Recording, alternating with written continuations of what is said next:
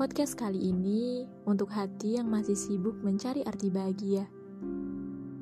Banyak opini yang silih berganti di media akhir-akhir ini tentang apa saja yang harus dimiliki agar hidup bahagia. Seolah hanya mereka yang tahu apa dan siapa yang membuat hidup kita bermakna. Seolah mereka memahami betul sebab dan alasan dari bahagia yang kita rasa.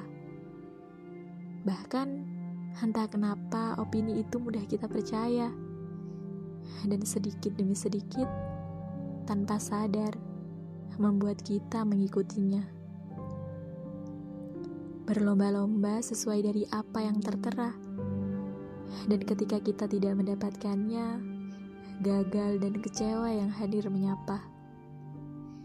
Mari sama-sama membaca realita. Bahagia itu beragam, dan bahagia itu bermacam-macam. Bahagia bisa diartikan ketika kita mendapat IPK tinggi, lulus tepat waktu, atau kerja di sebuah instansi idaman. Bahagia juga bisa berarti ketika kita hidup berkecukupan, atau hanya sekedar liburan dan bersenang-senang dan hal kecil. Seperti bisa berkumpul dengan keluarga dan menyantap makanan yang ada juga dapat diartikan sebagai bahagia. Karena bukan harta yang wajib kita miliki untuk bahagia. Tapi bahagia sebenarnya ada di dalam hatimu sendiri. Seharusnya orang lain tak berhak menentukan bagaimana standar bahagia itu karena ukuran bahagia tidak bisa disamaratakan.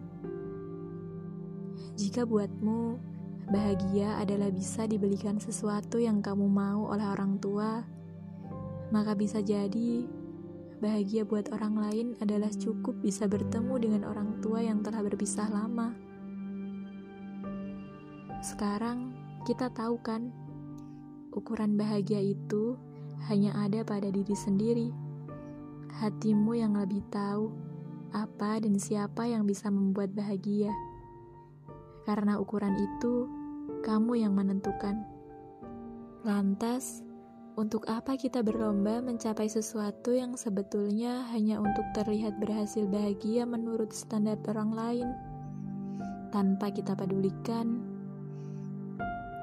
Bisa saja Bahagia adalah bisa melewati hari ini dan masih bernafas hingga detik ini saat kalian mendengarkan podcast dari kami.